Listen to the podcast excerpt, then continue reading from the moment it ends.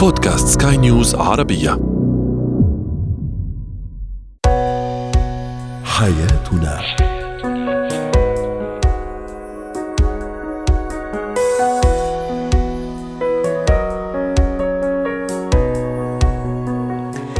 مستمعينا الكرام أهلا بكم معنا على حياتنا فضاؤكم اليومي الذي يعنى بشؤون الأسرة وباقي الشؤون الحياتية الأخرى والذي يمكنكم الاستماع إليه عبر منصة سكاي نيوز عربيه dot com slash podcast وباقي منصات سكاي نيوز عربيه الأخرى. شاركونا عبر رقم الواتساب 00971 561 886223 معي أنا أمال شاب. اليوم نتحدث عن تدخل الأهل زوج زوجة أو عفوا أخ أخت أيضا حمات في الحياة الزوجية بين الشريكين أحيانا أيضا قد يكون التدخل من حسن نية أو بنية طيبة لكن قد يتلقفه الشريك أو الشريكة أيضا بسوء نية. ومن هنا تحدث المشاكل. كيف أتعامل مع محاولة طفلي الاستقلالية بذاته؟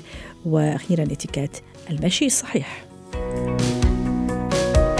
هو وهي. تحدثنا في حلقة في حلقات سابقة عن موضوع تدخل الأهل في حياة الزوجين فرض آرائهم أحيانا تكون فرض أو يكون فرض الآراء بالقوة. أيضا مما يعني يؤدي لنشوب مشاكل بين الشريكين. لكن دائما في كل الأحوال هذا التدخل يكون سلبي. لكن أحيانا لا بالعكس قد يكون هذا التدخل يعني إيجابي أو بحسن نية أو بنية طيبة. لكن يمكن الطرف الآخر اللي هو الزوج أو الزوجة لا يتلقفه بهذه النية الطيبة. دعونا نتعرف على هذا الموضوع مع دكتور شافع النيادي الخبير في العلاقات الزوجية والأسرية. حديثنا اليوم ذو شقين لما تكون أنا نيتي طيبة يا دكتور كأخت لهذا الزوج أو أخت لهذه الزوجة ممكن أعطي رأيي من تجربة معينة أحاول أساعد. لكن الطرف الآخر الزوج أو الزوجة ممكن لا يأخذها بهذا حسن النية. كيف نتعامل في هذا في, في, في هذا الموقف ثم نروح لا لما يكون التدخل فعلا هو محاولة فرض رأي أحيانا بالقوة طبعا هنا يرجع على ثقافة الزوجين لابد أن يكون عندهم يمتلكون نوع من الثقافة ووضع حدود حتى في مسألة تدخل الأهل. لما المشكلة في بعض احتمال بعض الأزواج يغفلون عن هذه النقطة ولا يضعون حدودا لمسألة تدخل سواء الأخ أو الأخت أو الأب أو الأم أو الجدة وما شابه ذلك. فهنا لابد الزوجين يحتاجون لنوع من الحكمة. غير ذلك لو نريد أن نتجنب هذا التدخل لابد حتى للزوجين أن لا يتحدثوا عن كل صغيرة وكبيرة وتفاصيل حياتهم وخلافتهم وخلافهم مع بعض بشكل دائم. مثل ما نقول نحن لابد أن يكون كتاب مغلق. يعني في بعض الأمور اشاركهم في بعض الأمور وبعض في بعض الأمور. لابد أن أحترم خصوصيات شريك شريك حياتي يعني لابد أن تكون معظم القرارات أنت والزوجين هنا اتفاق يكون بينكما. أكيد بطبيعة الحال إذا أنا بروح بستشير أخوي أو بستشير أختي أو أمي أو أبي في بيكون في نوع من بعض بعض الخلافات. فأنا يمكن الزوجة أو الزوجة أو شريك الحياة يتخذ قرار ثاني وما شابه ذلك. إذا اتفاق ما بين الزوجين بأن مثلا أنا أستشير الوالدين أو الأقرباء ونرى ما هو رأيهم في هذا القرار، لكن في بعض القرارات متعلقة بحياة شريك الحياة، م. أنا المفروض ما أرجع وأخذ برأي الآخرين، على لابد أن يكون هناك في نوع من الاستقلالية سواء استقلالية معنوية أو استقلالية مادية، الحياة الزوجية تحتاج إلى نوع خاصة في مسألة تدخل الأقارب. صح. تحتاج إلى شيء من المرونة والدبلوماسية أيوة. عند الخلافات رائع. والذكاء أيضا العاطفي والذكاء الاجتماعي. ما أدري دكتور إذا إذا يعني وصلك الفيديو من من أيام متداول في الحقيقة اللي هو حاول أختصره زوجة في ثورة غضب وانفعال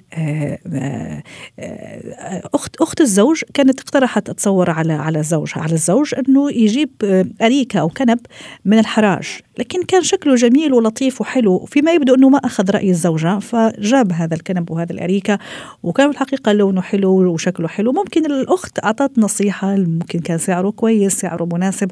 الزوجة طبعا دخلت في موجة من الغضب فما كان عليها إلا أن أحرقت هذا الكنب وصورته وبثته على وسائل التواصل الاجتماعي. الحمد لله لم يتحرق كنب ولا البيت كامل لكن هذا على فكرة أثار امتعاض كثير مشان هيك اليوم حبينا نحن كمان نعمل هالحلقة ونقول ممكن كان غرضها طيب نيتها طيبة أخت الزوج ممكن حبت تعطي نصيحة ممكن لقت سعر كويس ف يعني ليش دائما إحنا ناخذها من جانب سلبي؟ ليش أخذتها مثلا إنه هو تدخل في حياتي وكان لازم الزوج هو يستشيرني والقرار الأول لإلي ولزوجي نحن طبعا ما عم نتبنى اي اي اي أي وجهة نظر بس نحاول نطرح الموضوع من جوانب يعني مختلفة. هنا هنا يرجع حتى لنظرة الزوجة اولا. اولا اولا إحنا هو المساله مساله الخطا قد يكون نوع من التراكمي. الاتفاق ما دام الأريكة موجودة في البيت والزوجه مشاركة في البيت يأخذها من باب الاستشارة وتكون موجود لها.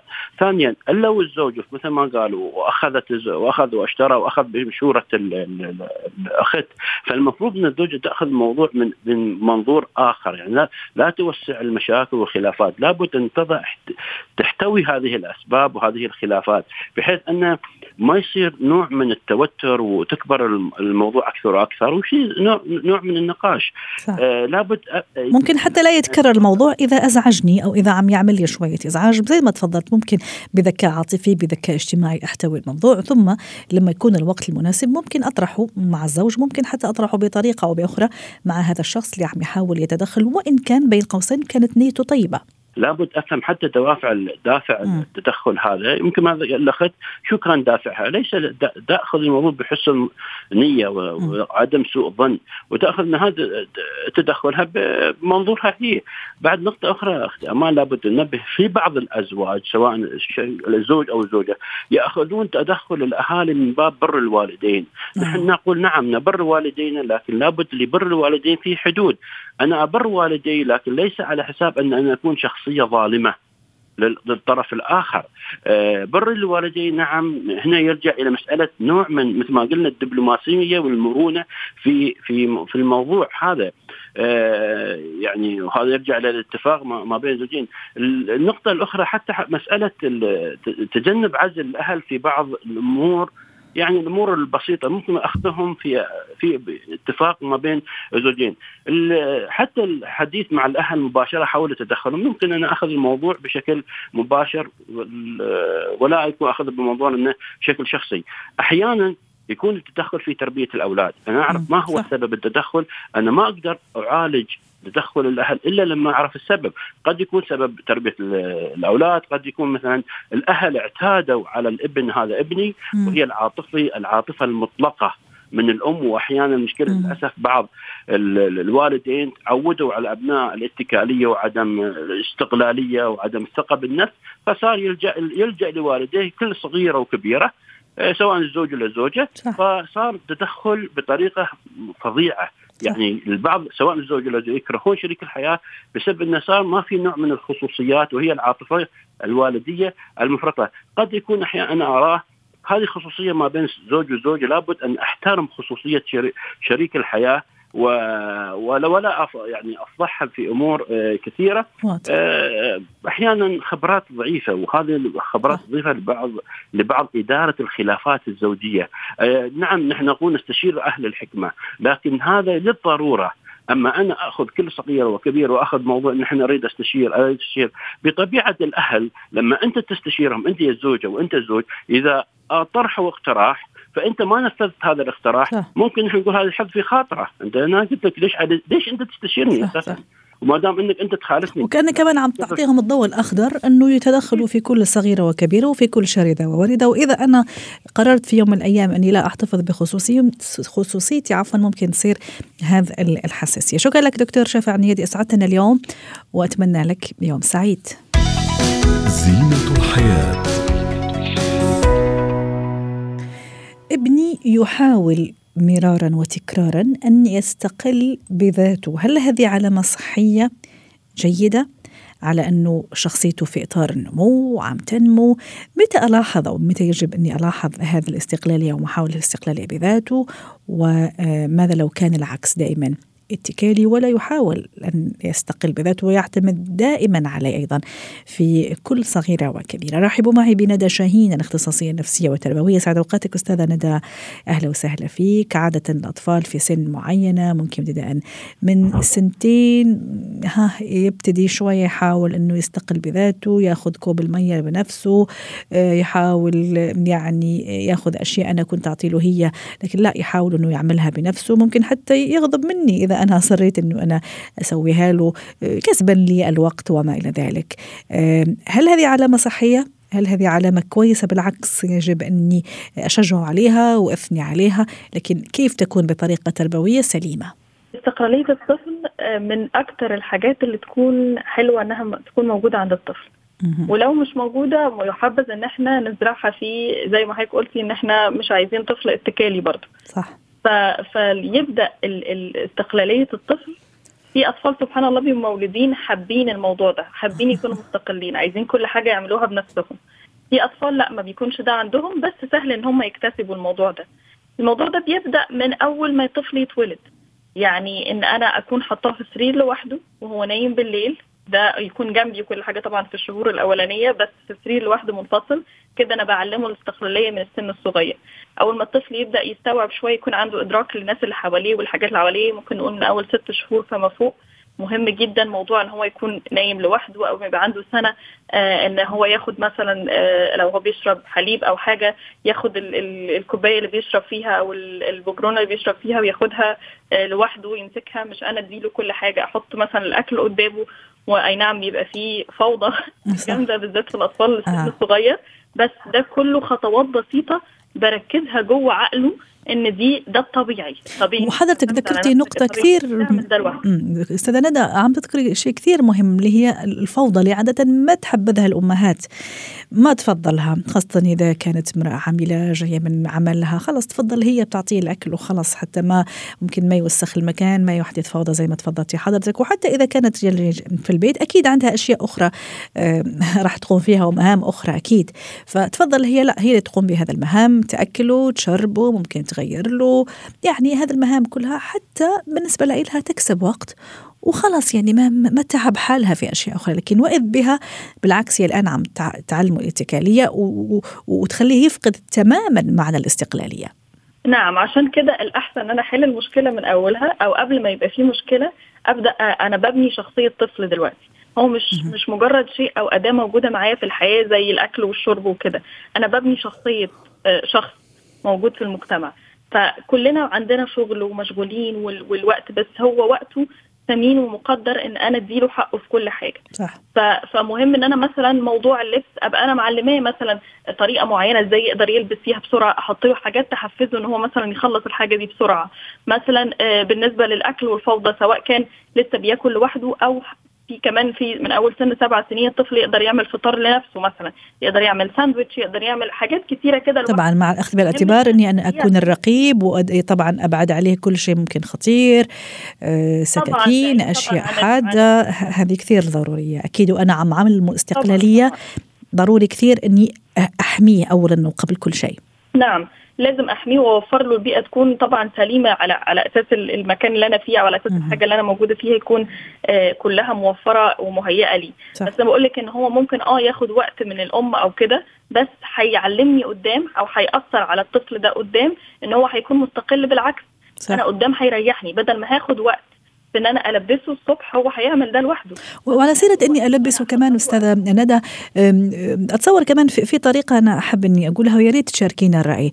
لا مانع إني أشتري لطفلي ثياب ممكن سهلة في ارتدائها عرفتي كيف إنه يرتديها ويخلقها بشكل سهل وممكن حتى يرفعها بدون صعوبة. أقل شيء هذا at least في, في الأشهر الأولى وفي السنوات الأولى لما يبتدي يتعلم الاستقلالية بذاته وحتى ما يتعب. وبالتالي أنا عم أسهل وأقدم له أشياء سهلة ممكن. من خلالها يعتمد على نفسه وبالتالي أنا كمان عم ريح نفسي وعم أضرب عصفورين بحجر واحد. ذكرتي نقطة مهمة قوي وكتير من الأهالي ما بيركزوش في التفصيل دي ببص أكتر على ال style أو شكله جميل أو حلو خصوصا لو أول أو تاني طفل بيبقى الواحد مندمج في في الشكل أكتر. مثلا نيجي للحذاء. بيبقى كتير من الأهل آه بيجيبوا مثلا حذاء اللي هو ضربات مش اللي هو بيتقفل كده بسهولة. صح. فبالتالي الطفل بيجد صعوبة إن هو يلبسه لوحده. في تفاصيل صغيرة كمان إحنا بنخش على فكرة في في انكزايتي ممكن تيجي للأهل أو توتر وقلق ممكن يجي للأهل من التفاصيل الصغيرة دي. صح. يعني مثلا أنا اديت لابني جزمة يلبسها هو ما لبسهاش على طول لأن هو مش عارف أو متعثر في الشيء فبالتالي هتعصب. فبالتالي هو هتعصب على الطفل وهو ممكن أنشئ بقى عقدة أو مشكلة. من حاجة بسيطة جدا أو من لا شيء أو يجي الواحد يقول أنا وقت الصبح ده بيبقى أكتر في حاجة اسمها morning anxiety ان هو وقت الصبح ده بيبقى الواحد متوتر قوي لأن هو محتاج يلبس عشان يروح شغله محتاج يفطر محتاج يفطر ولاده محتاج يلبسهم محتاج ففي بيخش في موال كبير ما بيبقاش قادر إن هو التفاصيل الصغيرة دي يعديها فبالتالي ساعات الأم بتعمل ده لوحدها أو الأب. بيحاول إن هو يساعد ما بيسيبوش الطفل يعتمد على نفسه بالشكل الكافي لأن الاتكالية هي أكتر. شيء ممكن يكون بيضعف ال- الطفل سواء كان شخصيا نفسيا بيخلي ثقته مش واثق في نفسه لأن هو شايف إن مهارات الحياة البسيطة اللي أنا أقدر أعملها لوحدي لا أنا ما عنديش القدرة إن أنا أعملها. تماما. وموضوع مثل ما يعني اتفقنا أنا وحضرتك وأكيد المستمعين أتصور إنه كمان مع هذه الفكرة ويا ريت كمان يطبقوها خاصة اولياء الأمور اللي عندهم أطفال بهذا السن. آه، ثياب بسيطة يسهل ارتدائها وخلعها آه، ورفعها أيضا دون صعوبة. آه، كمان ما في مشكلة وبالعكس إذا رتبت أنا ملابس أطفالي أو طفلي في دولاب في مجموعات منظمة منتظمه كمان راح تسهل عليه مثلا يروح خلينا نقول مثلا جوارب يروح يعني يشيلها ويلبسها لأنه عارف وين موجودة وين مترتبة أو مثلا تي شيرت فهذه كمان موضوع ترتيب الدولاب دولاب طفلي تسهل له المهمة وأيضا راح يخفف عليه أيضا هذا هذا هذا المشكلة ينقص عليها المشكلة نعم شوفي الأمر ده برضو من ال... من أكتر الحاجات اللي بتساعد على النظام والترتيب في حياة الطفل حتى نفسيا ان. هو يبقى عارف حاجته موجودة فين وعارف يحط الحاجات دي فين أو إن المفهوم بتاع إن كل حاجة ليها مكانها وليها بيتها اللي بتقعد فيه فمهم قوي إن أنا كأم برضو أحط ليبلز أو أو زي آه ورقة كده مكتوب عليها الحاجة دي فين ولو عندي صورة يكون أفضل لو الطفل لسه سنه صغير. فمثلا يبقى هو عارف إن ده الأماكن بتاعه ال- ال- الجوارب ده الأماكن بتاعه التي شيرت ده بتاع ال- ال- البنطلونات أو ايا كان بقى. في برضو طريقة تانية حلوة قوي في النظام بتساعد الأهل بالذات في أيام المدارس زي ما إحنا موجودين دلوقتي إن اللبس يكون جاهز كله مع بعضه قبل ما. الطفل ينام ويكون محطوط له في مكان معين محدد إن ده المكان اللي أنت هت هتلبس فيه أو ده المكان اللي أنت هت يعني ده دي الحاجة اللي انت هتلبسها النهارده أو ده الشيء اللي انت محتاج تلبسه. وكمان حلو لو أنا ألعب معه يعني هو على سبيل ال- ال- اللعب وال- والمزاح والدعابة لكن أكيد في عنده مغزى اللي هو لعبة مثلا التسابق مع عقارب الساعة إنه مثلا عندك أنت في عشر دقائق مفروض تكون لابس ثيابك عرفتي كيف؟ تحدي جميل بسيط لكن من غير ما أعمل عليه ستريس بالعكس أثني عليه اذا إذا كسب التحدي وأعلمه نقاط ضعفه إذا خسر هذا التحدي. أيوه أنا بعمل كده مع أولادي بحاول أقول لهم يلا شوف مين فينا هيلبس الأول أنا ولا جميل. فينا هيجهز الأول الصبح ويغسل أسنانه. وفي نتيجة صح؟ مين هيبقى جاهز على الصبح. الصراحة نتيجتها حلوة حتى أنا ذات نفسي ما بقعدش قدام الدولاب ساعه البس ده ولا ده. يلا انت علمتيهم وتعلمتي منهم كمان. أيوه باخد الموضوع معاهم كأني. زيهم بالظبط. الله يحميهم يا رب. وأخيرا أكيد استاذه ندى حتى نختم مع حضرتك اليوم على خير. أكيد ما لازم نستخف بقدراتهم وما أفترض مسبقا انه طفلي غير قادر على أنه يكون مستقل بذاته وعلى أنه يقوم بالمهمة على أكمل وجه. وإن لم يك- يكملها أو يؤديها على أكمل وجه أكيد أنا موجودة كأم كأب لا اعلمه واوجهه شكرا لك أستاذة ندى شاهين أسعدتينا اليوم وأتمنى لك أوقات سعيدة. اتكات اليوم سنتحدث عن اتيكات المشي. أكيد يعني من خلال المشي يعني في بادي لانجوج معين في طريقة معينة ستكشف لنا الكثير عن أسرار الشخصيات أو الشخصية. رحبوا معي بأستاذة وفاء جواد الشط هي مدرب معتمد في فعل الاتيكات والتواصل. ضيفتنا العزيزة من الكويت. اسعد أوقاتك أستاذة وفاء. أهلا وسهلا فيك. معنا اليوم سنتحدث عن اتيكات المشي سواء بالنسبة للسيدة أو بالنسبة للرجل. اولا هل فعلا طريقة المشي تكشف لنا أسرار الشخصية؟ طبعا أكيد. من المشي يعني تقدرين تقرين الشخصية اللي قدامك نوعا ما. إيش ممكن أعرف عن طريق من طريقة مشيه أو مشيها؟ إيش ممكن أعرف؟ شوفي لما ال- ال- الشخص اللي تشوفينه دائما جايك يعني مسرع و عجول وتكون مستعجل عجول وأكتافه تكون للأمام عرفي إن هذا في يعني يا ينقل خبر مستعجل أها عرفتي؟ بس لما يكون ماشي سيدة الأكتاف مفرودة المشية متزنة يعني حتى تحسينها إنه بالمسطرة المشية. عرفي إن هذا الشخصية جدا متزنة وجدا هادية وعارفة ثابتة. شفتي يمشي على الأرض ملكا. يمشي بهذه الطريقة. فدائما. المشيه تعطي يعني ساعات تشوفين حتى طفلك لما يجيلك يركض إن ها شنو عندك الخبر اللي بتقوله؟ شنو صاير؟ أنت ليش جاي كذي؟ عرفتي لما يكون زعلان ويبكي يجيلك يسحب ريل ورا وريل قدام يعطي انطباع إنه هو المسكين وإنه هو المغلوب على أمره. فشوفي هذه كلها إحنا نقراها من من, من المشي. رائع فعلشان. كذي المشي أكيد لا إتيكيت طيب نحكي عن. الوفاة وهل يختلف عند الرجل عن عن المرأة؟ خلينا نبتدي بالسيدة أو السيدات. السيدة أكيد يعني آه، لازم يكون مشيها متزن جدا. الأكتاف مفرودة الأيدي ما تكون مثل المروحة الهوائية. رايحة ورادة لقدام وهي تمشي. إحنا للأسف نشوف في ناس وهم يمشون الإيد تتحرك معهم. لا الإيد المفروض أنها ما تتحرك وتمشي سيدة الراس والذقن يكون مرفوع ما طالع إلى الأرض.